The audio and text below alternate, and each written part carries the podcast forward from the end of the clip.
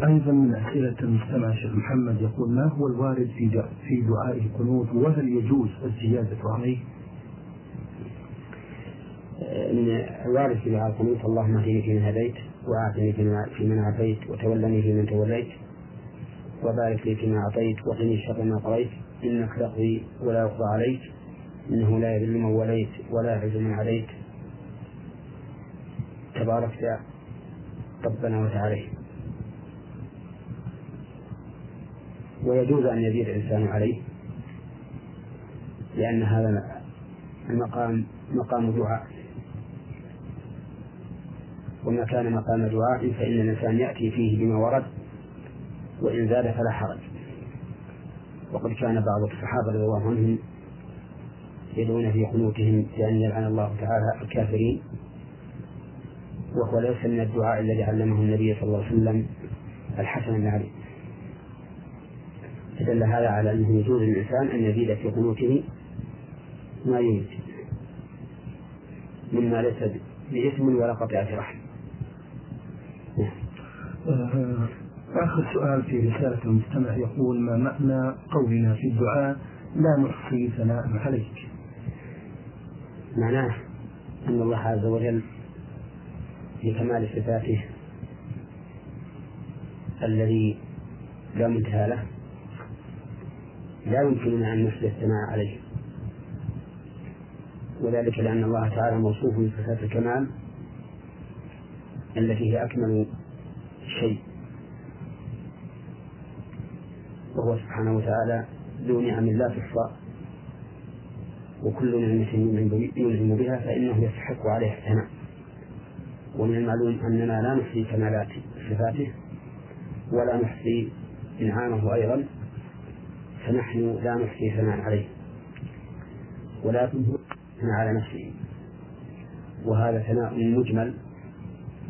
معناه أنك يا ربنا كما أثنيت على نفسك من الثناء الذي لا نبلغه نحن. نعم. من العراق محافظة بابل المستمعة الذي رمزت اسمها بألف ميم فاء زاد دال. تقول في رسالتها بأنها كانت تصوم الاثنين والخميس قبل الزواج وعندما تزوجت تغيرت حياتها لأن زوجها يأتي كل شهر سبعة أيام ثم يذهب. السؤال تقول فيه المستمعة هل يجوز لي عندما يذهب زوجي أن آه، تغير آه، الصيام أن تغير صيام الاثنين والخميس وتصوم من كل شهر ثلاثة أيام؟ ليس خوفا من زوجها ولكن تقول أريد لا أريد أن يتضايق من صيامي. وتقول لكي أرضي الله ثم أرضي زوجي ولا أريد أن أترك صيام التطوع فماذا أفعل؟ وتقول وإذا لم يقبل زوجي أن أصوم آه، أو أن يصلي صلاة الليل هل يلزمني طاعته؟ إذا كان زوجها شاهدا يعني حاضرا فإنه لا يجوز لها أن تصوم إلا بإذنه. كما ثبتت بذلك السنة عن النبي صلى الله عليه وسلم. وإذا كان غائبا فلا حرج عليها أن تصوم ما شاءت. سواء كان ثلاثة أيام من كل شهر أو الاثنين والخميس أو غير ذلك مما يشرع صيامه. وكذلك صلاة الليل إذا كان زوجها شاهدا وكانت صلاتها بالليل تمنعه من بعض الاستمتاع فإن فإنها لا تفعل ذلك إلا بإذنه.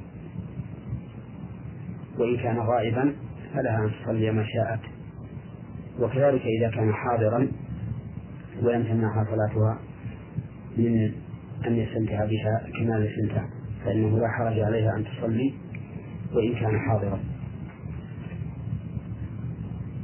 نعم. على بركة الله نستعرض بعضا من رسالة مستمع لم يذكر اسمه هنا بعث يقول السلام عليكم ورحمة الله تعالى وبركاته. لقد السلام ورحمة الله وبركاته. لقد اشتبهت علي وعلى كثير من الناس أمور كثيرة. فهل لكم أن تشرحوها لنا عبر برنامجكم نور على الدرب؟ جزاكم الله عنا كل خير. يسأل فضيلة الشيخ ويقول ما حكم قول صدق الله العظيم عند نهاية كل قراءة من القرآن الكريم؟ بسم الله الرحمن الرحيم الحمد لله رب العالمين. والصلاة والسلام على نبينا محمد وعلى آله وأصحابه أجمعين. قبل الإجابة على هذا السؤال أود أن أبين ما ذكره أهل العلم قاطبة بأن العبادة لا بد فيها من شرطين أساسيين. أحدهما الإخلاص لله عز وجل والثاني المتابعة لرسول الله صلى الله عليه وسلم. اللهم صل وسلم أما الإخلاص فمعناه أن لا يقصد الإنسان بعبادته إلا وجه الله والدار الآخرة فلا يقصد جاها ولا مالا ولا رئاسة ولا أن ينجح بين الناس بل لا يقصد إلا الله والدار الآخرة فقط. وأما الشرط الثاني فهو الاتباع. للنبي صلى الله عليه وسلم بحيث لا يخرج عن شريعته.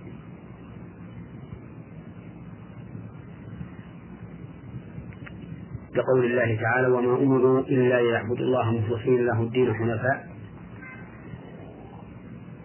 ولقوله تعالى فمن كان يرجو لقاء, رب لقاء ربه فليعمل عملا صالحا ولا يشرك بعبادة ربه أحدا. ولقوله تعالى قل إن كنتم تحبون الله فاتبعوني يحببكم الله ويغفر لكم ذنوبكم. ولقول النبي صلى الله عليه وسلم إنما الأعمال بالنيات وإنما لكل امرئ ما نوى فمن كانت هجرته إلى الله ورسوله فهجرته إلى الله ورسوله ومن كانت هجرته لدنيا يصيبها أو امرأة يتزوجها فهجرته إلى ما هاجر إليه. ولقول النبي صلى الله عليه وسلم من عمل عملا ليس عليه أمرنا فهو رد. فهذه النصوص من القرآن والسنة تدل على أنه لا بد لكل عمل يتقرب به الإنسان إلى الله عز وجل من أن يكون مبنيا على الإخلاص على الإخلاص لله موافقا لشريعة الله عز وجل. ولا تتحقق الموافقة والمتابعة إلا بأن تكون العبادة موافقة للشرع في سببها وجنسها وقدرها وهيئتها وزمانها ومكانها. فمن تعبد لله تعالى عبادة معلقة بسبب لم يجعله الشرع سببا لها فإن عبادته لم تكن موافقة للشرع فلا تكون مقبولة. وإذا لم تكن موافقة للشرع فإنها بدعة. وقد قال النبي عليه الصلاة والسلام كل بدعة ضلالة وكل ضلالة في النار. وبناء على هاتين القاعدتين العظيمتين بل بناء على هذه القاعدة المتضمنة لهذين الشرطين الأساسيين فإننا نقول إن قول الإنسان عند انتهاء قراءته صدق الله العظيم لا شك أنه ثناء على الله عز وجل بوصفه سبحانه وتعالى بالصدق ومن أصدق من الله قيلا. والثناء على الله بالصدق عبادة والعبادة لا, لا يمكن أن يتقرب الإنسان لله بها إلا إذا كانت موافقة للشرع. وهنا ننظر هل جعل الشرع انتهاء القراءة سببا لقول العبد صدق الله العظيم؟ إذا نظرنا إلى ذلك وجدنا أن الأمر ليس هكذا أي أن الشرع لم يجعل انتهاء القارئ من قراءته سببا لأن يقول صدق الله العظيم. فها هو رسول الله صلى الله عليه وسلم قال لعبد الله بن مسعود رضي الله عنه اقرأ. قال يا رسول الله كيف أقرأ عليك وعليه وعليك أنزل قال إني أحب أن أسمعه من غيري. فقرأ حتى بلغ قوله تعالى فكيف إذا جئنا من كل أمة بشهيد وجئنا بك على هؤلاء شهيدا؟ فقال النبي صلى الله عليه وسلم حسبك. ولم يقل عبد الله بن مسعود صدق الله العظيم. ولم يأمره النبي صلى الله عليه وسلم بذلك. وهكذا أيضا قرأ زيد بن ثابت على النبي صلى الله عليه وسلم سورة النجم حتى ختمها ولم يقل صدق الله العظيم. وهكذا عامة المسلمين إلى اليوم إذا انتهوا من قراءة الصلاة لم يقل أحد منهم عند انتهاء قراءة الصلاة قبل الركوع صدق الله العظيم. فدل ذلك على أن هذه الكلمة ليست مشروعة عند انتهاء القارئ من قراءته. وإذا لم تكن مشروعة فإنه لا ينبغي للإنسان أن يقولها. فإذا انتهيت من قراءتك فاسكت واقطع القراءة. أما أن تقول صدق الله العظيم وهي لم ترد لا عن النبي صلى الله عليه وسلم ولا عن أصحابه فإن هذا قول يكون غير مشروع. قد يقول قائل أليس الله تعالى قد قال قل صدق الله فنقول بلى إن الله تعالى قال قل صدق الله ونحن نقول صدق الله لكن هل قال الله تعالى قل عند انتهاء قراءتك صدق الله الجواب لا وإذا كان كذلك فإننا نقول صدق الله ويجب علينا أن نقول ذلك بألسنتنا ونعتقده بقلوبنا وأن نعتقد أنه لا أحد أصدق من الله فيه. ولكن ليس لنا أن نتعبد لله تعالى بشيء معلقا بسبب لم يجعله الشارع سببا له. لأنه كما أشرنا من قبل لا تكون العبادة موافقة للشرع حتى يتحقق فيها أو بعبارة أصح لا تتحقق العبادة لا تتحقق المتابعة في عبادة حتى تكون موافقة للشرع في الأمور الستة السابقة أن تكون موافقة للشرع في سببها وجنسها وقدرها وصفتها وزمانها ومكانها وبناء على ذلك فلا ينبغي للقارئ إذا انتهى من قراءته أن يقول صدق الله العظيم.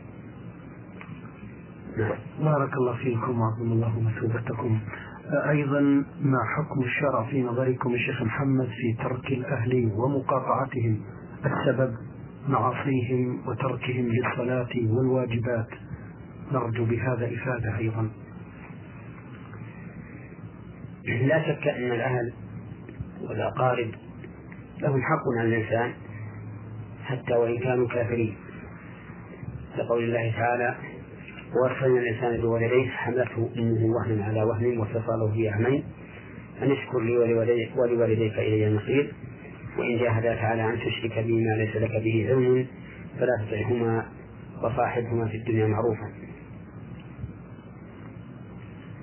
ولكن هؤلاء الأهل الذين لا يصلون يعتبرون مرتدين عن الإسلام لأن من لا يصلي كافر. كما دل على ذلك كتاب الله وسنة رسوله صلى الله عليه وسلم وأقوال الصحابة رضي الله عنهم. بل قد حكاه بعض العلماء إجماع إجماعا. فإذا كانوا تاركين للصلاة فهم مرتدون عن دين الإسلام. ولا يجوز للإنسان أن يخالطهم. اللهم إلا على سبيل النصيحة. أن يذهب إليهم وينصحهم. ويبين لهم ما في هذه الردة من الخزي والعار في الدنيا والآخرة لعلهم يرجعون. فإن أصروا على ذلك فلا حق لهم وتجب ويجب هجرهم ومقاطعتهم. ولكني أسأل الله عز وجل أن يرد هؤلاء وغيرهم ممن ابتلوا بهذه البلية العظيمة أن يردهم إلى الإسلام وحتى يقوموا بما أوجب الله عليهم من الصلوات وغيرها. اللهم آمين.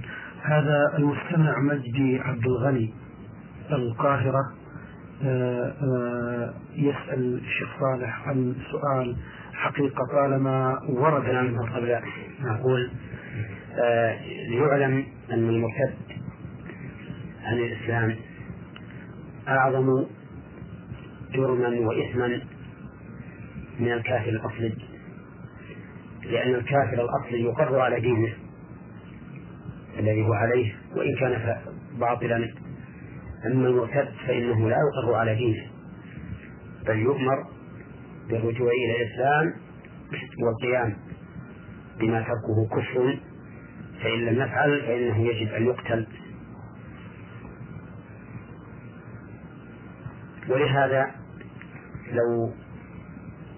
كان لدينا ثلاثة من الناس يهودي ونصراني ومرتد عن الإسلام كل واحد منهم ذبح ذبيحة فإن ذبيحة اليهودي حلال وذبيحة النصراني حلال وذبيحة المرتد حرام. وبهذا علمنا أنه أشد. من الكافر الأصلي حتى لو فرض أن هذا المرتد والعياذ بالله اعتنق دين النصارى أو دين اليهود فإنه لا يقضى عليه. نعم.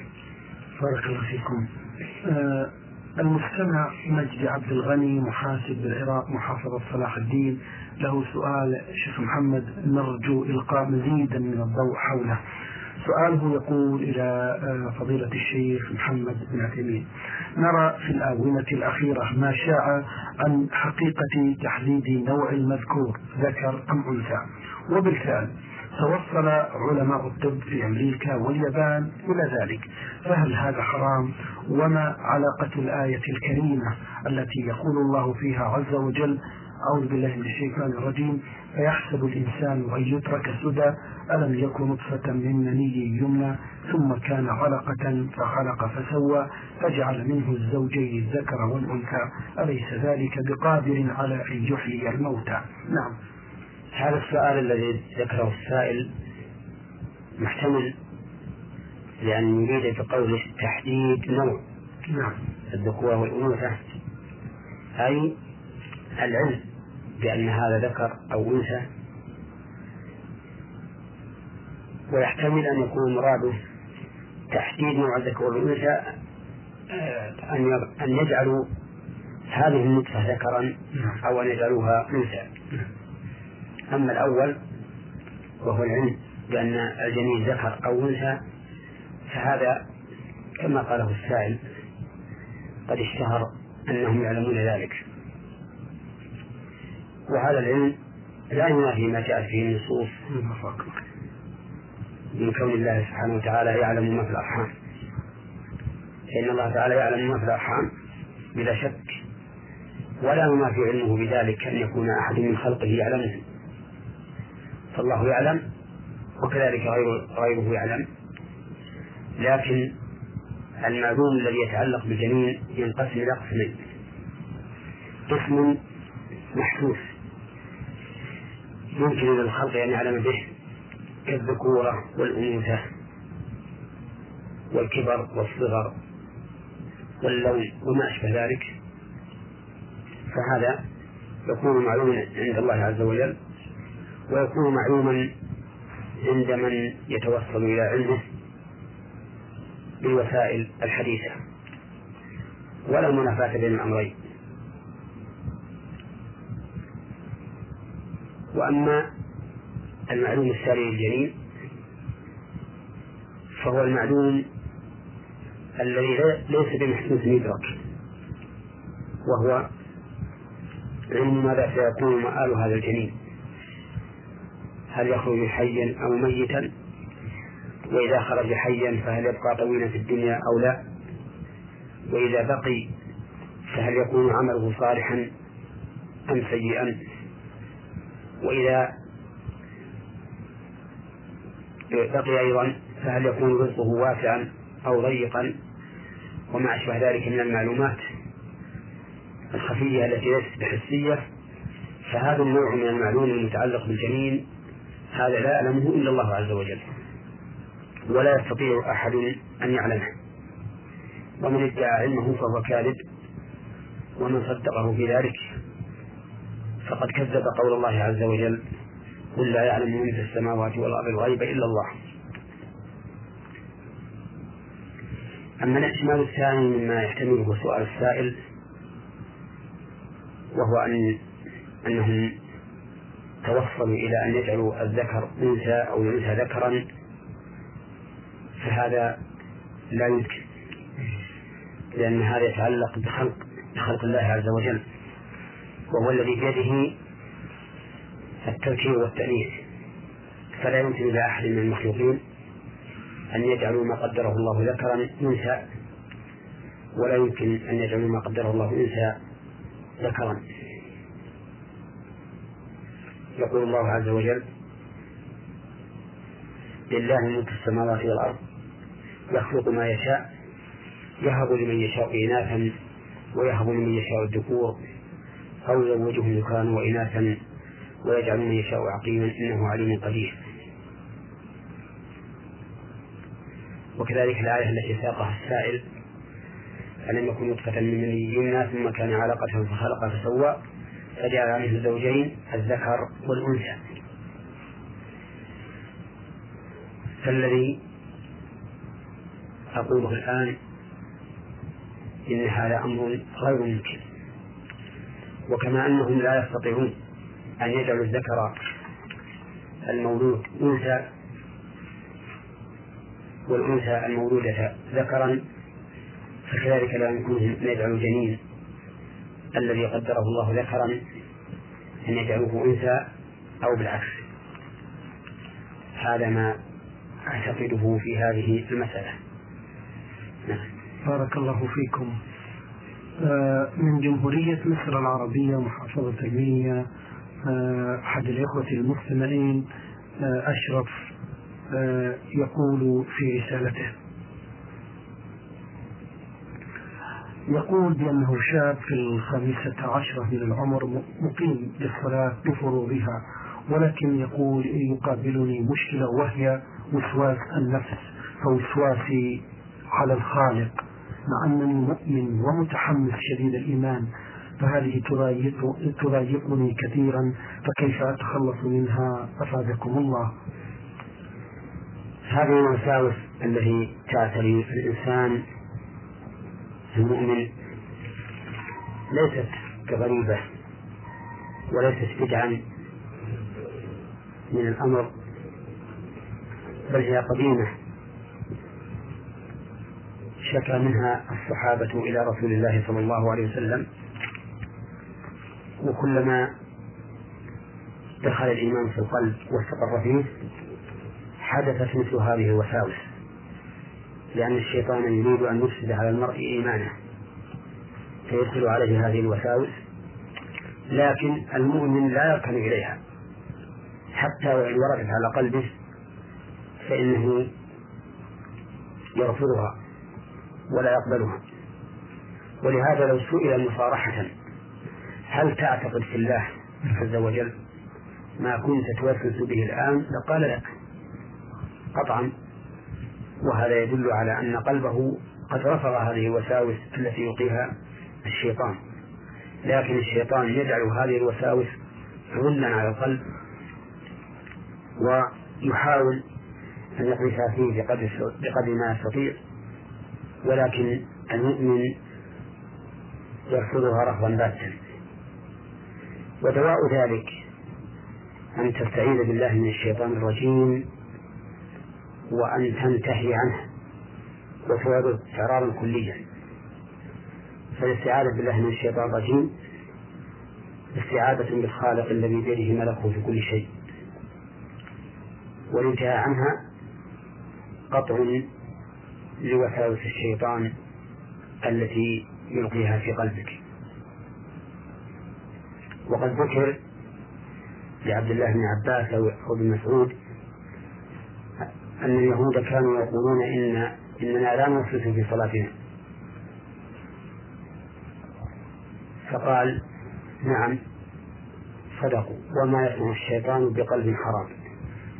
يعني أن اليهود قد خربت قلوبهم فسواء حضرت في صلاتهم أم لم تحضر كلها فاسدة. صلاتهم فاسدة غير مقبولة لأنهم كفار وحضور قلوبهم لا ينفعهم. فالمؤمن الخالص الإيمان هو الذي يأتيه الشيطان بمثل هذه الوساوس ليلبس عليه ويشككه. ولكن إذا استعاذ بالله من الشيطان الرجيم وانتهى عن ذلك وأعرض فإنه لا يضره. وكما أسلفت قريبا علامة أن هذا وسواس لا يضرك أنه لو قال لك قائل أتعتقد هذا في الله عز وجل؟ أتعتقد هذا في دين الله؟ أتعتقد هذا في رسول الله صلى الله عليه وسلم؟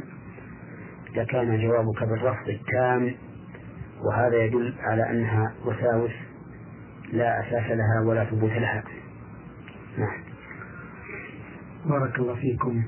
من محافظة نينوى في العراق المستمع الذي رمز لاسمه بقوله أخوكم المسلم قاف معين يسأل ويقول ما رأي الشرع في نظركم في مهنة المحاماة؟ وهل هي حلال؟ وهل هي حلال أم حرام؟ وهل كان يوجد في الإسلام محاماة؟ المحاماة هي التوكل للإنسان في محاكمة خصمه. وأصل الوكالة جائز في الإسلام بدلالة الكتاب والسنة.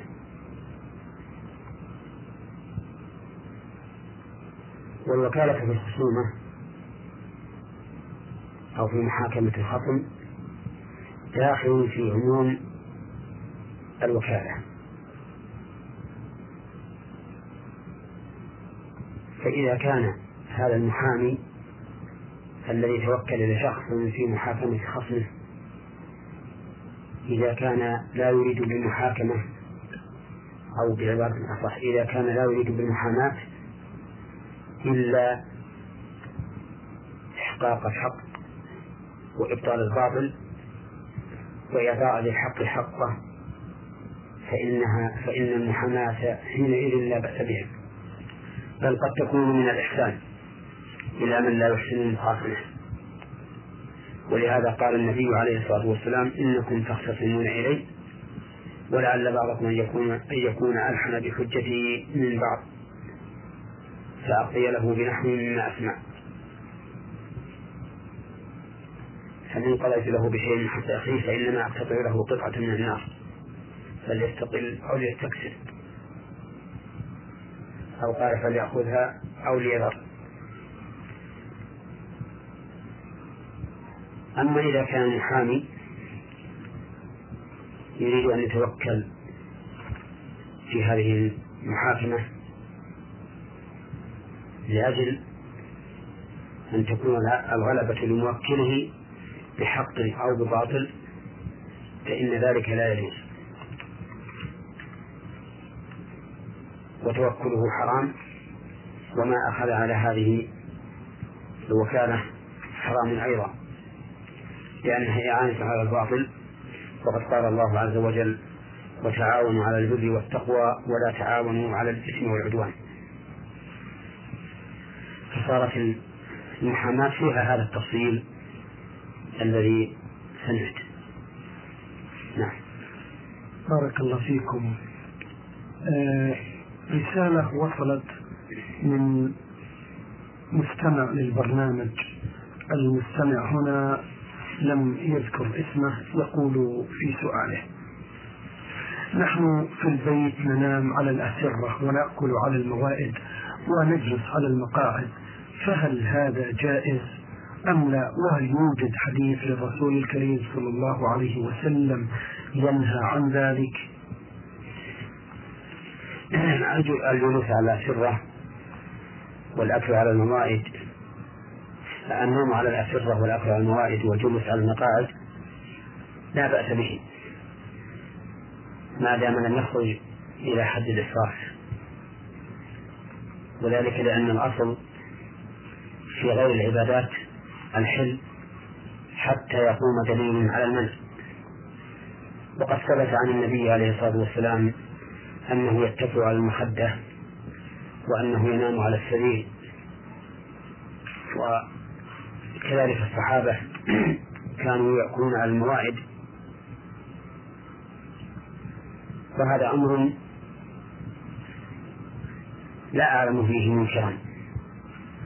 اللهم إلا إذا خرج إلى حد الإسراف. فإن الإسراف يقول الله تعالى فيه ولا تسرفوا إن الله لا يحب المسرفين. نعم. بعض من رسالة المستمعة أشواق الياس سليمان العراق محافظة التأمين والذي استعرضنا بعضا من رسالتها في حلقة ماضية. تقول يا شيخ محمد هنا في سؤالها بأنها أم لثلاثة أطفال تقول وقد وضعت طفلا ميتا بعد رمضان العام الماضي وقد صمت الشهر كله ولله الحمد. سؤالها تقول هل يأتي يوم القيامة كبيرا كما سمعت من بعض النساء وهل يشفع لي, لي ولوالديه؟ وإذا كان ذلك غير صحيح هل لي أجر حمله تسعة أشهر وساعات ولادته الأخيرة وضحوا لنا ذلك بارك الله فيكم. الحمد لله رب العالمين وصلى وسلم على نبينا محمد وعلى آله وأصحابه أجمعين. هذا الطفل الذي ذكرته السائلة أنه مات وتسأل كيف يأتي يوم القيامة. الجواب على هذا أننا لا نعلم كيف يأتي هذا الطفل يوم القيامة. ولكن قد ثبت أن الناس يحشرون يوم القيامة حفاة عراة غلا. كما قال الله تعالى كما بدأنا أول خلق نعيده. فالحفاة ليس عليهم نعال ولا خفاف والعراة ليس عليهم ثياب والغرل جمع أغرل وهو الذي لم يختل أي أن جلدة الختان تعود يوم القيامة. وأما سؤالها هل لها أجر؟ على ما حصل لها من المشقة والتعب في حمله ووضعه فجوابه أن نقول إن لها أجرا في ذلك فإنه لا يصيب المرأة بل لا يصيب الإنسان من هم ولا غم ولا أذى إلا كفر الله عنه. حتى الشوكة إذا أصابته وحصل فيها ألم فإنه يكفر به عنه من سيئاته. وإذا صبر واحتسب الأجر من الله كان له مع تكفير السيئات زيادة في حسناته على صبره كما قال الله تعالى إنما يوفى الصابرون أجرهم بغير حساب فالمصائب التي تصيب الإنسان تكفير ومع الصبر عليها واحتساب الأجر تكون مع التكفير زيادة في الحسنات. آه المستمع أيضا الأشواق تقول إن الله سبحانه وتعالى قد خلق لنا كراما كاتبين يكتبون كل ما نقول ونفعل السؤال من الحكمة من خلقهم مع العلم بأن الله سبحانه وتعالى يعلم ولا يخفى عليه ما نسر وما نعلن جوابنا على هذا السؤال نقول أولا مثل هذه الأمور. قد ندرك حكمتها وقد لا ندرك.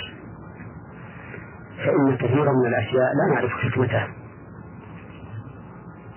كما قال الله تعالى ويسألونك عن الروح والروح من أمر ربي وما أوتيت من العلم إلا قليلا. فإن هذه المخلوقات لو سأل سائل ما الحكمة أن الله جعل الإبل على هذا الوجه وجعل الخيل على هذا الوجه وجعل الحمير على هذا الوجه وجعل الآدمي على هذا الوجه وما أشبه ذلك. لو سئلنا عن الحكمة في هذه الأمور ما علمنا ما علمناها ولو سئلنا ما الحكمة في أن الله عز وجل جعل صلاة الظهر أربعا وصلاة العصر أربعا وصلاة العشاء أربعا وما أشبه ذلك. ما استطعنا أن نعرف الحكمة في ذلك. قد يقول قائل لماذا لم تجعل ثمانيا أو ستا؟ وبهذا علمنا أن كثيرا من الأمور الكونية وكثيرا من الأمور الشرعية تخفى علينا حكمتها.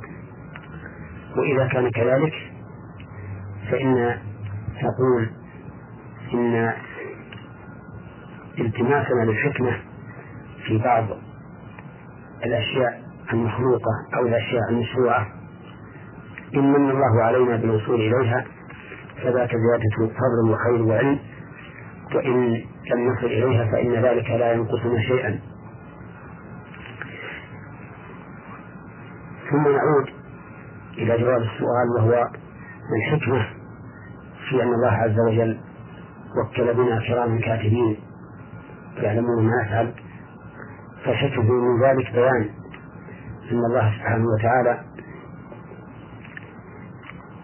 نظم الأشياء وقدرها وأحكمها إحكاما متقنا حتى إنه سبحانه وتعالى جعل على أفعال بني آدم وأقوالهم كرام كاتبين موكلين بهم. يكتبون ما يفعلون. مع أنه سبحانه وتعالى عالم بما يفعلون قبل أن يفعلوه ولكن كل هذا من أجل بيان كمال عناية الله عز وجل بالإنسان وكمال حفظه تبارك وتعالى وأن هذا الكون منظم أحسن نظام ومحكم أحسن إحكام نعم. بارك الله فيكم. رسالة وصلت من آه، المملكة العربية السعودية آه، من المستمعة أختكم لطيفة أختكم في الله. تقول في رسالتها تحية طيبة وبعد أرجو الرد على أسئلتي. فضيلة الشيخ ما حكم الإسلام فيما يأتي؟ نتف الحواجب وإزالة شعر الحاجب ليس كله ولكن للتخفيف منه علما أنه آه، شك أن أنه شكل الوجه يبدو أفضل ولا أقصد بهذا تغيير خلق الله قبل الإجابة على سؤالها أقول إن توجيه السؤال إلى شخص يخطئ ويصيب بمثل هذه الصيغة ما حكم الإسلام؟ فيه نظر. ذلك لأن أي واحد من الناس وإن كان عنده من العلوم الشرعية ما, ليس عند غيره. لا يمكن أن نقول إن كل ما قاله فهو حكم الإسلام. لأنه قد يخطئ وقد يصيب. فإذا أخطأ مثلا نسب خطأه إلى الإسلام. لأنه مسؤول عن حكم الإسلام في هذا الشيء. لذلك أرى أن توجه الخطابات أو أن توجه الأسئلة إلى أهل العلم فيقال ما رأيكم في كذا أو ما حكم الإسلام في نظركم أو ما أشبه ذلك. حتى نسلم مما أشرنا إليه في كونه يخطئ فينسب خطأه إلى الإسلام. ثم أقول في الإجابة على سؤالها إن نتف الحواجب محرم بل من كبائر الذنوب. لأنه من النمس الذي لعن النبي صلى الله عليه وسلم فاعله. فقد لعن النبي عليه الصلاة والسلام النامصة والمتنمصة. فالنامصة التي تنتف الحواجب من غيرها والمتنمصة التي تطلب من غيرها أن ينتف حواجبها. وكذلك لو أن المرأة فعلته بنفسها هي كانت نامصة متنمصة. فيجتمع في حقها الوصفان والعياذ بالله. ولا فرق بين أن تصل بذلك الزينة أو أن تكون ساخطة بخلقة الله عز وجل. وقولها إنها لم تقصد تغيير خلق الله نقول هي وإن لم تقصد فقد حصل منها تغيير خلق الله عز وجل. على وجه لم يأذن الله به.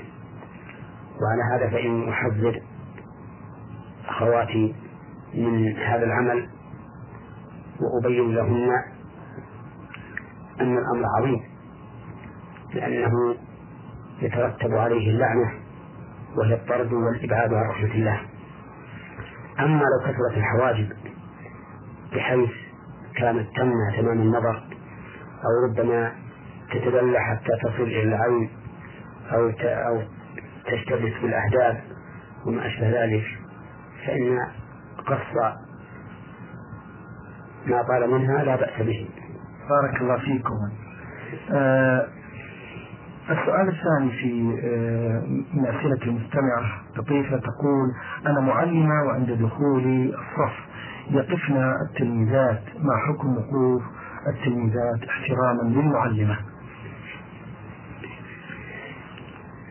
حكم وقوف الطالبات احتراما للمعلمة أنه أمر لا ينبغي. بل الذي ينبغي إذا دخلت المعلمة أن تسلم السلام المشروع وأن ترد الطالبات عليها الرد المشروع.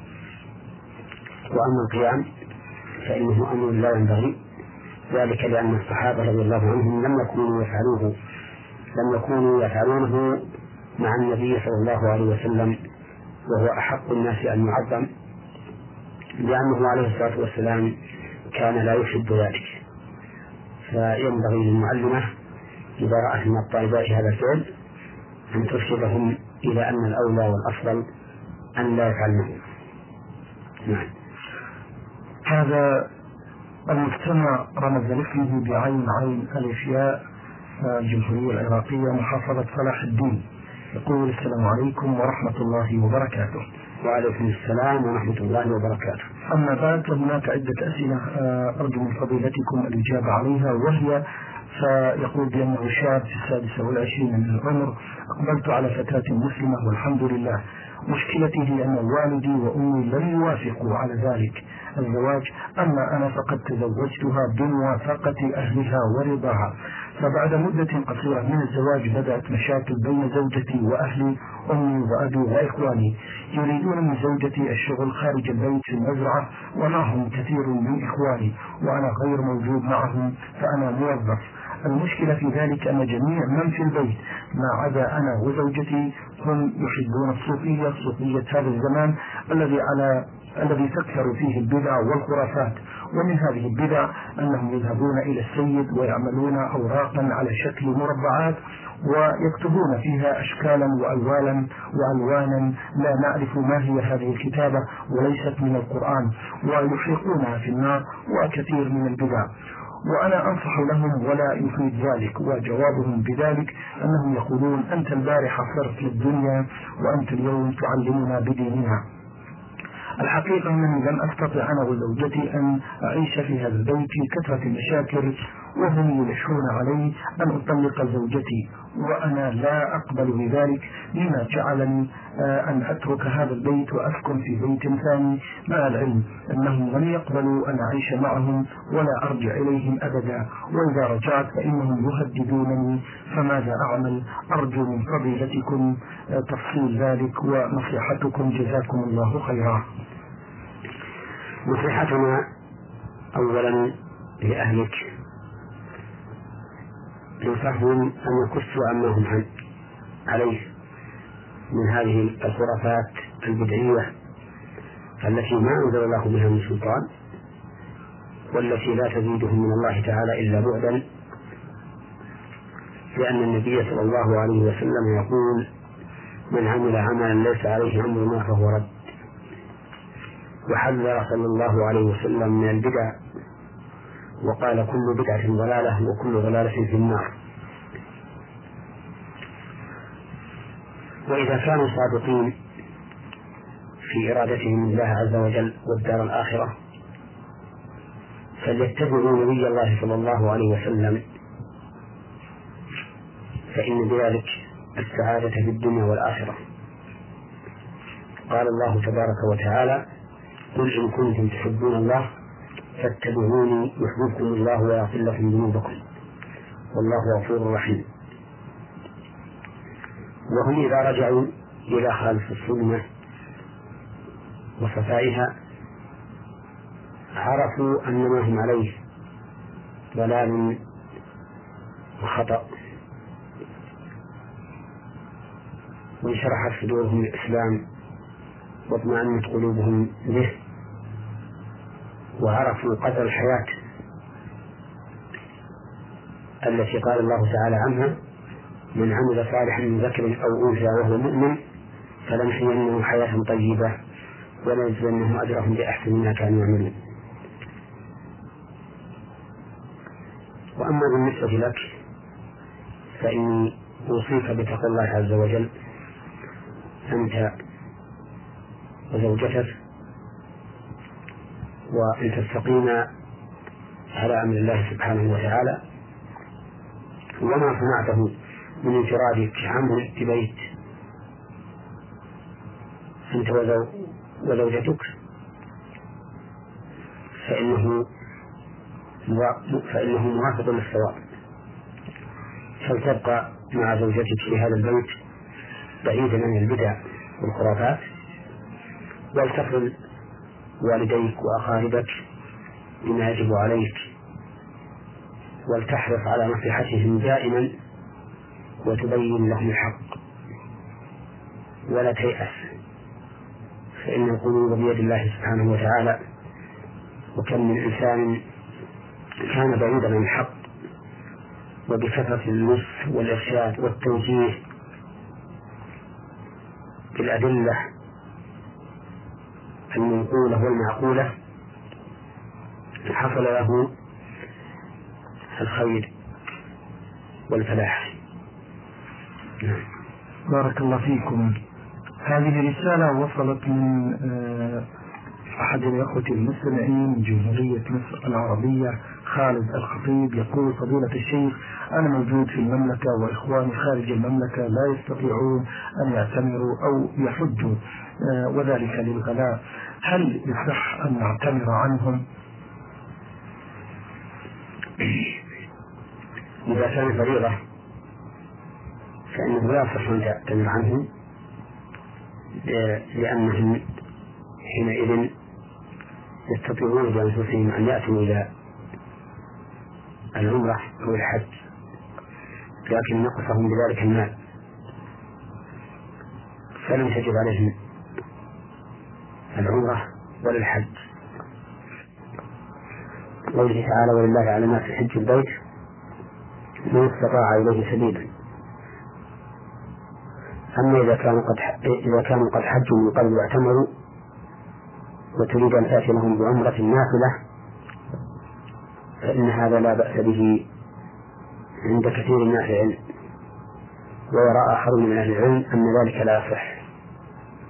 ويعللون هذا بأن الاستنابة في الحج إنما جاءت في الفريضة ولم تأتي في النافلة وجاءت في الفريضة للضرورة لأنها واجبة ولم يتمكن من فرضت عليه من أدائها فجازت الاستنابة فيه للضرورة وأما التطوع فليس هناك ضرورة تدعو إلى أن يستنيب الإنسان غيره فيه.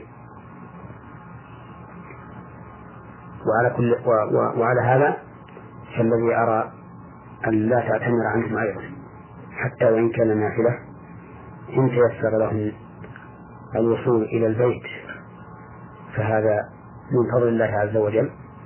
وإن لم يتيسر فالله سبحانه وتعالى حكيم بما يفعل. المستمع أيضا يقول ماذا يعمل الإنسان الذي قد كتب له سحرا ومتضرر من جراء ذلك؟ أفيدونا. ويقول آه ما العمل مفصلا والذي قد عمل له عقدة أيضا. آه، السحر من كبائر الذنوب ومنه ما يكون كفرا. قال الله عز وجل ولقد علموا لمن اشتراه ما له في الآخرة من خلاق.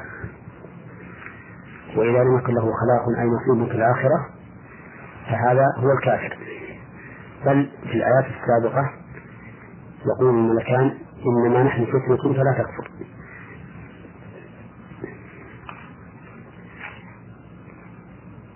فلا يحل لأحد أن يتعاطى السحر لأنه إما كبيرة وإما كفر على حسب التفصيل الذي ذكره أهل العلم. وأما النشرة وهي حل السحر عن المشهور فإن كانت بالقرآن والأدلة المباحة والأدوية المباحة فإن هذا لا بأس به. وإن كانت بسحر فإن هذا قد اختلف فيه أهل العلم فمنهم من جوز حل السحر بسحر للضرورة ومنهم من منع ذلك. والأقرب المنع وأنه لا يحل حل السحر بالسحر. لأننا لو قلنا بذلك لانفتح علينا باب تعلم السحر وصار كثير من الناس يتعلمون بحجة أنهم يريدون أن يحلوا السحر عن المسحور وهذا باب يفتح شرا كبيرا على المسلمين. وفي الأدلة المشروعة والقراءة المشروعة والأدوية المباحة ما يغني عن ذلك لمن اعتمد على الله عز وجل وتوكل عليه. ابتداء السؤال الشيخ محمد يقول ما حكم الإسلام في نظركم في الشخص الذي يستخدم شيء من السحر لكي يوفق بين زوجين أو اثنين متنافرين هذا أيضا محرم ولا يجوز وهذا يسمى بالعكس وما يحصل به التفريق يسمى بالصرف وهو أيضا محرم وقد يكون كفرا وشركا.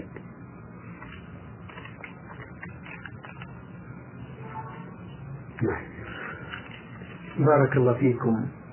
هذا مستمع للبرنامج الحقيقة أرسل برسالة طيبة وخط واضح. مستمع الحقيقة لم يذكر اسمه هنا ولكنه يسأل عن ما يلي. ما حكم إسبال الثياب؟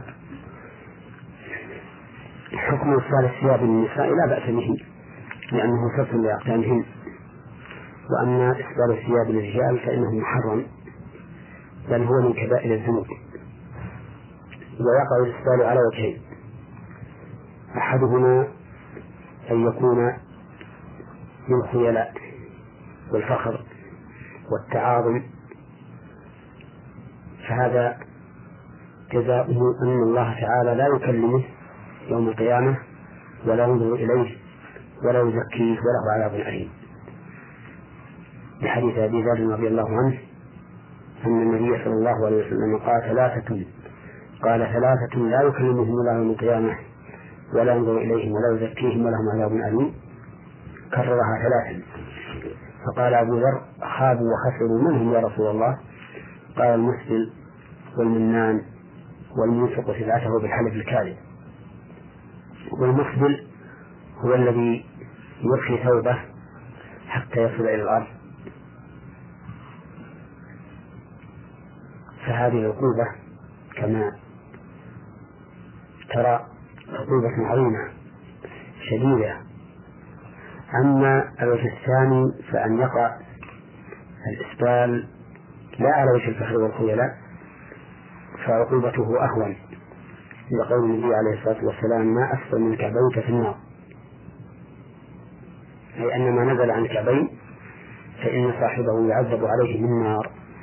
فيكون العذاب على قدر النازل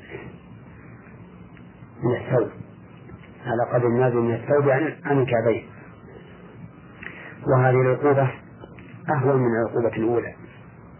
ومن ثم نقول إنه لا يمكن أن يقيد هذا الحديث المطلق بالحديث السابق. وهو من إذا جره خيلا ذلك لأن العقوبتين مختلفتان. وإذا اختلفت العقوبتان امتنع حمل أحد الحديثين على الآخر لأنه يلزم منه تكذيب أحدهما بالآخر حيث يكون عقوبة هذا كذا وعقوبة هذا كذا ثم نجمعهما مع أن مع أن مع أن العمل واحد.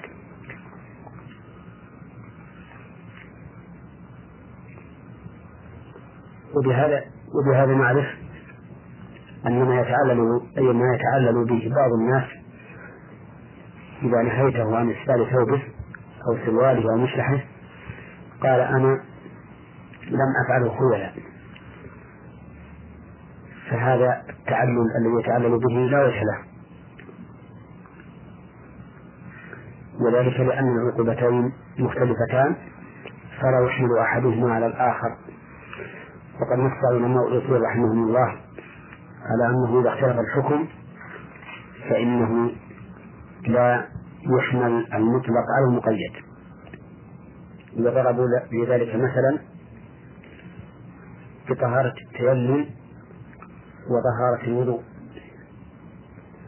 فالله سبحانه وتعالى قال في الوضوء يا أيها الذين آمنوا إذا قمتم إلى الصلاة فاغسلوا وجوهكم وأيديكم إلى المرافق. فقيد الغسل بالمرافق وقال في التيمم فتيمموا صعيدا طيبا فامسحوا بوجوهكم وأيديكم منه ولم يقيدها بالمرافق. فكان موضع التيمم الكفين فقط. أما الوضوء فموضعه الكفان والذراع والمرفق ولم يحمل المطلق في التيمم على المقيد في الوضوء وذلك لاختلاف الحكم بين الطهارتين. وهذه قاعدة ينبغي لطالب العلم أن يعرفها وهي أنه لا يحمل المطلق على المقيد مع اختلاف الحكم. نعم. بارك الله فيكم. أيضا يقول ما حكم التدخين؟ التدخين وهو شرب الدخان محرم. كما يدل على ذلك كتاب الله وسنة رسوله صلى الله عليه وسلم والنظر الصحيح. أما الكتاب فقال الله تبارك وتعالى ولا تؤتوا أموالكم التي جعل الله لكم قياما. ووجه الدلالة منها أن الله تعالى جعل المال قياما لنا تقوم به مصالح ديننا ودنيانا. ومن المعلوم أن صرفه في هذا الدخان ينافي ذلك فإنه ليس من المصالح في شيء بل هو من المضار. ومن الأدلة من كتاب الله ومن الأدلة من كتاب الله تعالى قوله تعالى ولا تقتلوا أنفسكم إن الله كان بكم رحيما. والنهي عن قتل النفس نهي عنه وعما يكون سببا له. وشرب الدخان حسب آراء الأطباء في الأزمنة سبب موصل إلى الهلاك. ومن أدلة من الله تعالى قوله ولا تلقوا بأيديكم إلى التهلكة. إلى ما فيه هلاكها ووجه الدلالة منها كوجه الدلالة من الآية التي قبلها. أما من السنة فإن النبي صلى الله عليه وسلم قال لا ضرر ولا ضرار. وتناول الدخان ضرر معلوم. لا يخفى على أحد. وقال ونهى النبي صلى الله عليه وسلم عن إضاعة المال وهو صرفه في غير فائدة. وصرف الدخان وصرف المال وصرف المال في شراء الدخان صرف للمال في غير فائدة. فهذا دليلان من السنة على أن الدخان حرام. أضفهما إلى الأدلة الثلاثة من كتاب الله تكون الأدلة خمسة. هذه أدلة سمعية. أما الدليل العقلي على تحريمه فهو ما يشاهد من ضرر على الشارب في صحته العامة وفي أسنانه وفمه ورائحته ونظره على وجه الخصوص. ومن المعلوم أن العاقل لا يرضى لنفسه أن يتناول ما فيه الضرر. نسأل الله العافية. من بدر الدين آه، يمني في جدة. البدر الدين يسأل ويقول أفتونا جزاكم الله خيرا في الدعاء المستجاب دعاء الاستخارة. بسم الله الرحمن الرحيم. الحمد لله رب العالمين. وأصلي وأسلم على نبينا محمد وعلى آله وأصحابه أجمعين. دعاء الاستخارة مشروع أمر به النبي صلى الله عليه وسلم في كل أمر يهم به الإنسان ولا يتضح له فيه وجه الصواب. مثل أن يهم بسفر أو بشراء بيت أو سيارة أو زواج أو ما أشبه ذلك من الأمور التي يتردد فيها ولا يتبين له فيها وجه الصواب.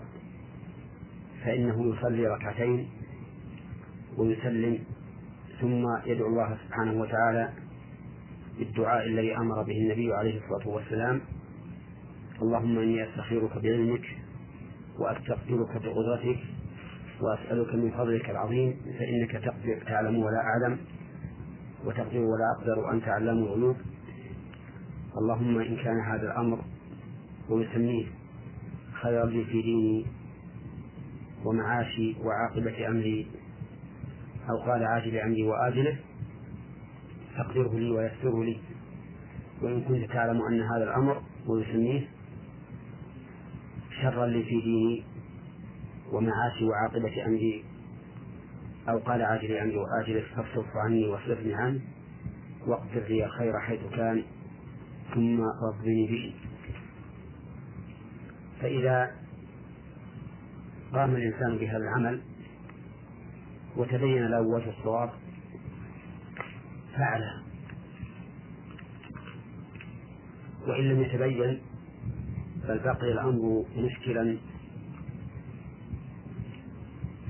ولن يزل مترددا فيه فليعد الاستخارة مرة أخرى ومرة ثالثة حتى يتبين له وجه الصواب. ولا بأس حينئذ أن يستشير من يعلم منه النصح والأمانة والمعرفة حتى يزيده من الإقدام أو الإحكام وقد قيل ما ندم من استشار ولا خاب من استخار نعم. آه المستمع من السودان أرسل برسالة يقول فيها. فضيلة الشيخ هل يجوز للمرأة الحائض أن تذهب إلى المسجد إذ يوجد بالمسجد حلقات لتحفيظ القرآن؟ ولقد سألت عدد من العلماء فمنهم من جوز ذلك ومنهم من حرمه أرجو إفادتكم بارك الله فيكم. المرأة الحائض لا يجوز لها أن تمكث في المسجد. فأما مرورها بالمسجد فلا بأس به بشرط أن تأمن تلويث المسجد مما يخرج منها من الدم. وإذا كان لا يجوز لها أن تبقى في المسجد فإنه لا يحل لها أن تذهب لتستمع إلى حلق الذكر وقراءة القرآن اللهم إلا أن يكون هناك موضع خارج المسجد يصل إليه الصوت بواسطة مكبر الصوت فهذا لا بأس به. أي لا بأس أن تستمع المرأة إلى الذكر وقراءة القرآن. كما ثبت عن النبي عليه الصلاة والسلام أنه كان يتكئ في حج عائشة فيقرأ القرآن وهي حائض. وأما أن تذهب إلى المسجد لتمكث فيه لاستماع هذه الأذكار أو القراءة فإن ذلك لا يجوز. ولهذا لما أبلغ النبي عليه الصلاة والسلام في حجة الوداع أن صفية كانت حائضا قال أحابستنا هي؟ ظن صلى الله عليه وسلم أنها لم تطف طواف الإفاضة فقالوا إنها قد أفاضت. وهذا يدل على أنه لا يجوز المكث في المسجد ولو للعبادة. نعم. بارك الله فيكم. آه، المستمعة سمية من آه، مدرسة الكاملين الثانوية للبنات السودان تقول هل يجوز عمل المرأة في المكاتب إذا كان هذا العمل في مكتب الشؤون الدينية والأوقاف؟ عمل عمل المرأة في المكاتب لا يخلو من حالين الحالة الأولى أن تكون مكاتب خاصة للنساء. مثل أن يكون للنساء مكتب في توجيه مدارس البنات أو ما أشبه ذلك. ولا يحضره إلا النساء. فإن عملها في هذا المكتب لا بأس به. أما إذا كان المكتب يختلط فيه الرجال وهي الحالة الثانية فإنه لا يجوز للمرأة أن تعمل عملا يكون الرجل شريكا لها فيه وهما في مكان واحد. وذلك لما يحصل من الفتنة باختلاط النساء بالرجال. وقد حذر النبي صلى الله عليه وسلم أمته من فتنة النساء وأخبر أنه ما ترك بعده فتنة أضر على الرجال منها. حتى في أماكن العبادة رغب النبي صلى الله عليه وسلم في بعد المرأة عن الرجل كما في قوله صلى الله عليه وسلم خير صفوف النساء آخرها وشرها أولها. لأن أولها قريب من الرجال فكان شرها وآخرها بعيد من الرجال فكان خيرها. وهذا دليل واضح على أن للشارع نظرا في بعد المرأة عن الاختلاط بالرجل.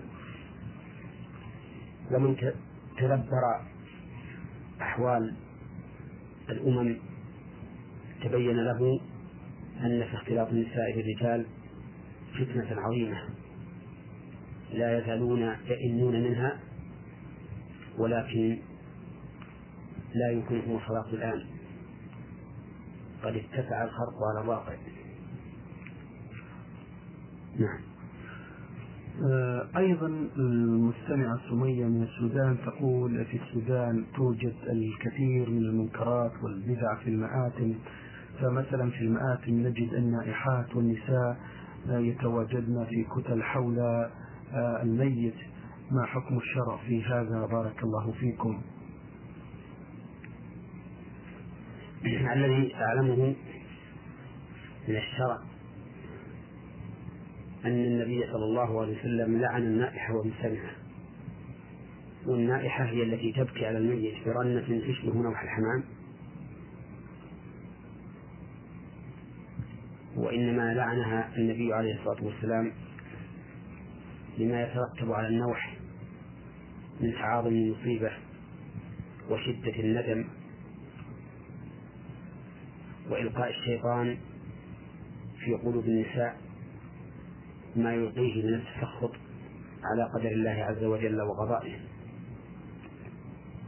وهذه الاجتماعات التي تكون بعد موت الميت يكون فيها الندب والنياحة كلها اجتماعات محرمة.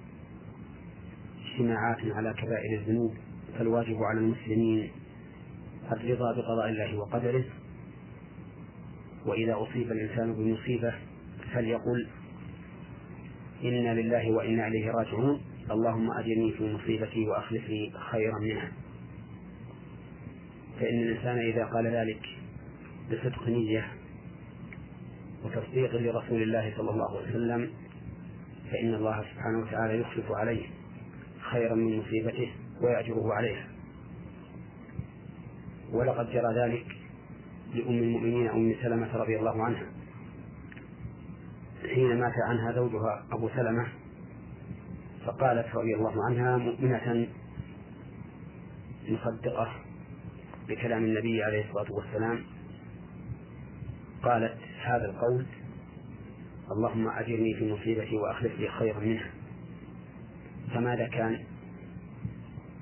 أخلف الله لها خيرا منها فإنها حين انقضت عدتها تزوجها النبي صلى الله عليه وسلم. فكان النبي صلى الله عليه وسلم خيرا لها من أبي سلمة. والأجر عند الله سبحانه وتعالى. فوظيفة الإنسان عند المصائب الصبر والتحمل واحتساب الأجر من الله سبحانه وتعالى. أما هذه المجتمعات المشتملة على الندب والنياحة فإنها اجتماعات محرمة يجب على المسلمين إنكارها والبعد عنها. نعم. بارك الله فيكم. المستمعة أيضا سمية من أسئلتها تقول نحن في مدرسة وتلقى المحاضرات والاحتفالات ودائما نستفتح بالقرآن الكريم. فقد يطلب مني أن أفتتح لهم أنا بالقرآن علما بأن القراءة تكون بمكبر الصوت ويوجد في الاحتفال أو المحاضرة آه، عدد من الرجال. فهل في هذا إثم؟ وإذا قرأنا القرآن هل صوت المرأة عورة؟ نعم. هذا السؤال يتضمن عدة أسئلة أولا افتتاح المحاضرات والندوات في القرآن الكريم. هل هذا من الأمور المشروعة؟ لا أعلم في هذا سنة عن رسول الله صلى الله عليه وسلم. والنبي عليه الصلاة والسلام كان يجمع أصحابه كثيرا حين يريد الغزو أو للأمور المهمة التي تعم المسلمين. ولا أعلم أنه صلى الله عليه وسلم كان يفتتح هذه الاجتماعات بشيء من القرآن. لكن لو كانت المحاضرة أو الندوة تشتمل على موضوع معين وأراد أحد أن يقرأ شيئا من الآيات التي تتعلق بهذا الموضوع ليكون بها افتتاح ذلك الموضوع فإن هذا لا بأس به. وأما اتخاذ وأما وأما اتخاذ افتتاح المحاضرات والندوات بآيات من القرآن دائما كأنها سنة مشروعة فهذا لا ينبغي. المسألة الثانية في هذا السؤال كون المرأة تقرأ القرآن بمكبر الصوت فيسمعه الناس من قريب ومن بعيد حيث ينتهي مدى صوت هذا المكبر. هذا أمر لا ينبغي لأن المرأة مأمورة بالتستر والاختفاء عن الرجال. وكونها تعلن صوتها بمكبر الصوت ينافي ذلك. وأما المسألة الثالثة السؤال فهي هل صوت المرأة عورة؟ والجواب أن صوت المرأة ليس بعورة. فإن النساء كن يأتين إلى الرسول عليه الصلاة والسلام يسألنه بحضرة الرجال ولم ينكر عليه صلى الله عليه وسلم ذلك. ولو كان صوتها عورة لأنكره النبي عليه الصلاة والسلام. فصوت المرأة ليس بعورة لكن لا يجوز للرجل أن يتلذذ به سواء كان ذلك التلذذ تلذذا تلذذ شهوة جنسية أو تلذذ استمتاع وراحة نفس.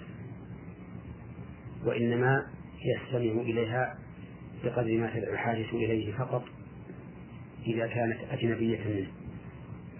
سؤالها الأخير شيخ محمد تقول فيه المستمعة نحن في السودان يأتينا هذا البرنامج في وقت صلاة المغرب وينتهي بعد مضي عشر دقائق من الآذان. فأنا أؤخر صلاة المغرب إلى أن ينتهي البرنامج. فهل علي إثم في هذا التأخير؟ الجواب ليس عليها إثم في هذا التأخير ما دامت تصلي الصلاة قبل خروج وقتها. ومن المعلوم أن وقت المغرب يمتد إلى دخول وقت العشاء. أي إلى ما بعد ساعة وربع أو نحوها من صلاة المغرب من غروب الشمس أي إلى ما بعد ساعة وربع أو نحوها من غروب الشمس. قد يصل أحيانا إلى ساعة وثلاثين دقيقة وقد يقصر حتى يكون ساعة وربع ساعة. المهم أن تأخير صلاة المغرب عن أول وقتها من أجل استماع هذا البرنامج لا بأس به لأن استماع هذا هذا البرنامج وغيره من البرامج الدينية استماع إلى حلقة علم. ولا يخفى على أحد من فضل طلب العلم والتماسه حتى قال النبي عليه الصلاة والسلام من سلك طريقا يلتمس فيه علما سهل الله له به طريقا إلى الجنة. وطلب العلم من أفضل العبادات والقربات. حتى قال الإمام أحمد العلم لا يعدله شيء لمن صحت نيته. قالوا كيف تصح النية يا أبا عبد الله؟ قال ينوي رفع الجهل عن نفسه وعن غيره. وطلب العلم نوع من الجهاد في سبيل الله لأن دين الله عز وجل قام بأمرين بالعلم والقتال لمن نواءه وقام ضده. وإذا علم الله عز وجل من نية هذه المرأة المستمعة أنه لولا طلبها الاستماع إلى هذا البرنامج لصلت في أول وقت. فإنها قد تثاب ثواب من صلى في أول الوقت لأنها إنما أخرت الوقت لمصلحة إنما أخرت الصلاة لأنها إنما أخرت الصلاة لمصلحة شرعية. قد تكون أفضل من تقديم الصلاة في أول وقتها. رسالة وصلت من المملكة العربية السعودية المستمع جيم عين شين.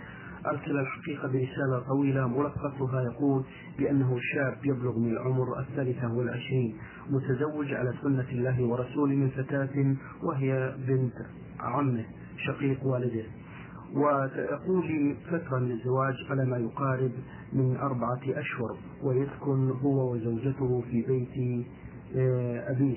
وفي ذات اليوم حصل سوء تفاهم بينه بين آه، يقول بين زوجتي وأهلي فذهبت زوجتي إلى بيت أبيها وبعد ذلك آه، طلبت مني زوجتي أن أستأجر شقة على قدر الحال لنسكن أنا وهي وحدنا ونبعد عن المشاكل أو أن نسكن في بيت أبيها بشرط ألا تنقطع صلتي بأهلي أبدا وأن أكون سائلا عنهم دوما فوافقت على ذلك الأمر وعرضت ذلك على أهلي ولكنهم رفضوا ذلك وأصروا على أن أسكن عندهم. هل علي ذنب لفضيلة الشيخ إذا خالفتهم على إصرارهم وسكنت أنا وزوجتي في شقة أو في بيت أبيها أفيدونا أفادكم الله. هذه المشكلة التي حكاها السائل تقع كثيرا بين أهل الرجل وزوجته والذي ينبغي في مثل هذه الحال أن يحاول الرجل الالتئام بين زوجته وأهله والائتلاف بقدر الإمكان. وأن يؤنب من كان منهم ظالما معتديا على حق أخيه. على وجه لبق ولين حتى تحصل الإلفة والاجتماع فإن الاجتماع والإلفة كلها خير. فإذا لم يمكن الإصلاح والالتئام فلا حرج عليه أن ينعزل في مسكن وحده بل قد يكون ذلك أصلح وأنفع للجميع حتى يزول ما في قلوبهم أو ما في قلوب بعضهم على بعض. وفي هذه الحال لا يقاطع أهله بل يتصل بهم كل يوم ويحسن أن يكون البيت الذي ينفرد به هو وأهله أو هو وزوجته قريبا من بيت أهله حتى تسهل مراجعتهم ومواصلتهم فإذا قام بما يجب عليه نحو أهله ونحو زوجته مع انفراده مع زوجته في مسكن واحد حيث تعذر أن يسكن الجميع في محل واحد فإن هذا خير وأولى. نعم. بارك الله فيكم. هذه المستمعة الذي رمزت لاسمها بأختكم في الله شين تقول في رسالتها هناك في هذا المجتمع مؤمنة آه، أختكم في الله صاحبة هذه الرسالة آه، تحبكم في الله وتدعو الله عز وجل أن يجعلكم في أعلى درجات الجنة آه، سؤال للشيخ محمد تقول هل تستطيع المرأة أن تصلي وهي حاملة لطفلها؟ قبل الإجابة على سؤالها أقول إن هذه العبارات التي سبق سؤالها تدل على إيمانها ومحبتها لأهل الخير. وإني أقول إن أوثق إن من أوثق عرى الإيمان أن يحب الإنسان في الله ويبغض في الله ويوالي في الله ويعادي في الله.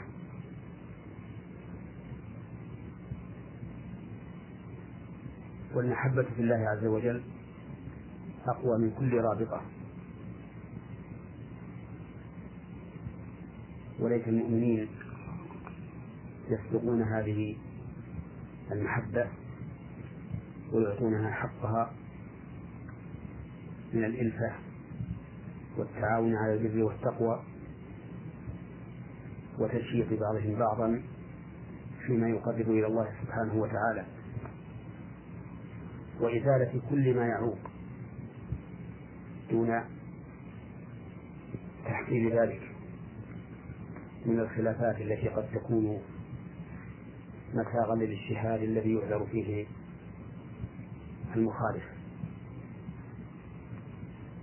فالمحبة بالله عز وجل لها تأثير عظيم على سلوك الإنسان وعلى إصلاح وعلى إصلاح المجتمع.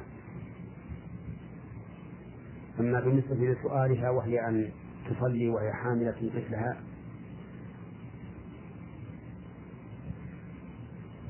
فإن ذلك لا بأس به.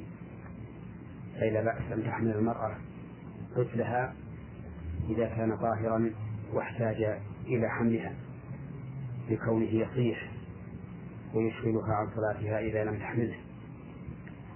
وقد ثبت عن النبي صلى الله عليه وسلم أنه كان يصلي وهو حامل أمامة بنت زينب بنت رسول الله صلى الله عليه وسلم.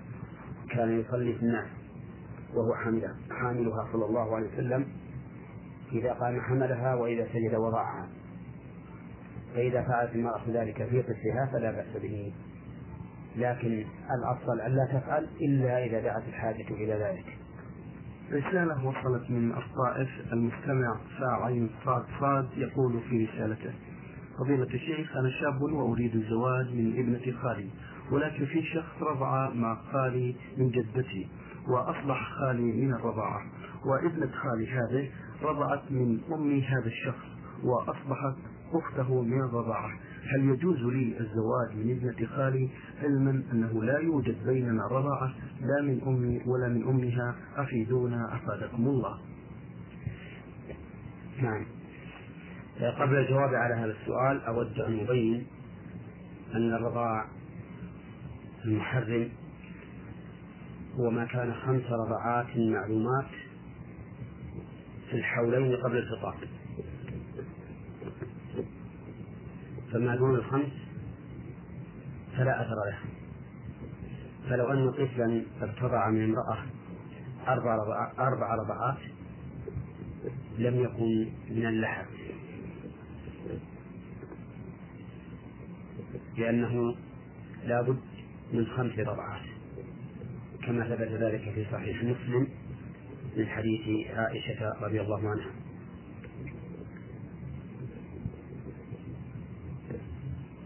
وإذا تبين ذلك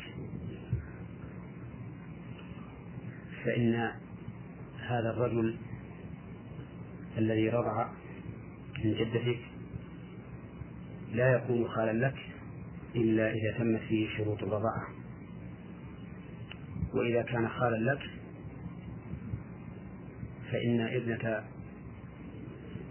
خالك الذي التي تريد أن تتزوجها تحل لك. ولو رضعت من امرأة هذا الرجل الذي رضع من مع خالك من جدتك وذلك لأن الرضاعة لا ينتشر فيه التحريم إلا إلى المرتضع وذريته فقط. وأما أقاربه أي أقارب المرتضع من الأصول أو الحواشي فإن الرضاع لا ينتشر إليهم نعم. بارك الله فيكم. هذا مستمع للبرنامج آه، شيخ محمد يسأل عن ما معنى الحديث أو فيما معناه قول, قول الرسول صلى الله عليه وسلم أرى رؤياكم قد تواطأت. والحديث الآخر قول الرسول صلى الله عليه وسلم خير الرؤيا الرؤيا الصالحة نعم انتهى نعم. آه، لا أدري ماذا يريد السائل بسؤاله هذا. هل يريد أن الرؤيا تثبت بها الأحكام الشرعية أم لا؟ والجواب على ذلك أن الرؤيا الصالحة التي تصدق وتقع هذه تكون جزءا من ستة وأربعين جزءا من النبوة كما أخبر بذلك النبي صلى الله عليه وسلم. وأما إثبات الأحكام الشرعية بالرؤيا فإن أقرها الشرع ولا يكون ذلك إلا في حياة النبي عليه الصلاة والسلام. ثبت الشرع بها لكن بإقرار الشارع لها. وذلك كإقرار النبي صلى الله عليه وسلم الإعلان الذي رآه عبد الله بن زيد من عبد ربه. وكهذا الحديث الذي أشار إليه السائل حيث قال عليه الصلاة والسلام أرى رؤياكم قد تواطأ في السبع واحد ومن كان متحريها فليتحرها في السبع واحد قال العلماء وتثبت الأحكام بالرؤيا إذا دلت القرائن عليها. ولكنه لا يتغير بها شيء من أحكام الشرع. وإنما تنفذ حسب ما تقتضيه الشريعة. وضربوا لذلك مثلا برؤيا ثابت بن قيس بن شماس رضي الله عنه حين رؤيا في المنام بعد استشهاده في اليمامة. وذكر رضي الله عنه ما جرى بعد استشهاده. وأوصى بوصية. فلما بلغ ذلك أبا بكر رضي الله عنه نفذ وصيته لأنه ذكر أشياء قد ثبتت بالفعل حسب ما ذكرها. فكان ذلك قرينة على صدق هذه الرؤيا فنفذ وصيته رضي الله عنه بعد وفاته. والمهم أن الأحكام الشرعية لا تثبت بالمرائي أبدا إلا إذا أقرها الشرع وذلك لا يكون إلا في عهد النبي صلى الله عليه وسلم فقط. أما بعده فإن المرأة الرؤيا مهما كانت لا يمكن أن يتغير بها حكم شرعي أبدا. نعم. رسالة وصلت من محمود عمر مصر الجنسية يقول في رسالته السلام عليكم ورحمة الله وبركاته. منذ دخلت المملكة لم أقدر أصلي صلاة الجمعة لأنني ليس في إرادتي نفسي ولكن في إرادة غيري. ومكان عملي بعيد ليس به مساجد ولكن من له الإرادة يصلي وأنا لم أصلي صلاة الجمعة. فهل الوزر أو الذنب علي أم على غيري نرجو من فضيلتكم إفادة. الحمد لله رب العالمين وأصلي وأسلم على نبينا محمد خاتم النبيين وإمام المتقين وعلى آله وأصحابه أجمعين. إن في الشريعة الإسلامية قاعدة هامة نافعة. دل عليها عدة آيات من كتاب الله. منها قوله تعالى لا يكلف الله نفسا إلا وسعها. وقوله تعالى فاتقوا الله ما استطعتم. وقوله تعالى وما جعل عليكم في الدين من حرج. فإذا كان مكانك بعيدا عن المساجد وليس حولك مسجد يمكنك أن تؤدي صلاة الجمعة فيه فإنه ليس عليك جمعة في هذه الحال لأنك معذور بتركها من أجل البعد والمشقة. وإذا كان ليس عليك جمعة فليس عليك اسم ولا على الآخرين اسم لقول الله تعالى ولا تزر وازرة وزر أخرى. فاحمد الله تعالى على تيسيره وعلى تسهيله لهذا الدين الذي تعبدنا به سبحانه وتعالى ولتكن مطمئنا بأنه لا إثم عليك في هذه الحال. نعم. من العراق رسالة بعث بها المستمع آه، الحاج تركي أسود يقول في رسالته عندما أبدأ في الصلاة وفي منتصف وفي منتصفها أشك في نقض الوضوء أحيانا ولذلك أتوضأ مرتين أو أكثر وسبب نقض نقض الوضوء هو آه، يقول انحلال في الظهر نرجو منكم إفادة. هذه هذا السؤال أجاب عنه النبي صلى الله عليه وسلم حيث سئل عن الرجل يخيل إليه أنه يجد الشيء في الصلاة فقال لا ينصرف حتى يسمع صوتا أو يجد أو يجد ريحا فما دمت في صلاة الفريضة؟ ثم طرأ عليك هذا الشك هل أحدثت أم لم تحدث؟ فإنه لا يحل لك أن تخرج منها بل الواجب أن تستمر في صلاتك حتى تنتهي إلا إذا تيقنت أن شيئا خرج فإذا تيقنت ذلك فعليك أن تخرج. ولا يحل لك أن تمضي بعد أن أحدثت. وهذا الحديث الذي أشار الذي أفتان به رسول الله صلى الله عليه وسلم يعتبر قاعدة عظيمة من قواعد الشرع وهي أن اليقين لا يزول بالشك. وأن الأصل بقاء ما كان على ما كان فما دامت الطهارة متيقنة فإنها لا تزول بالشك. وما دامت باقية فإن الأصل بقاؤها حتى يثبت زوالها. وفي هذا الحديث راحة للإنسان وطمأنينة للنفس حيث يبقى بعيدا عن الوساوس والشكوك لأنه بهذا الحديث يطرح الشك ويبني على ما استيقن وهي الطهارة. أما إذا تيقن الحدث في أثناء الصلاة فإنه يجب عليه أن يخرج منها.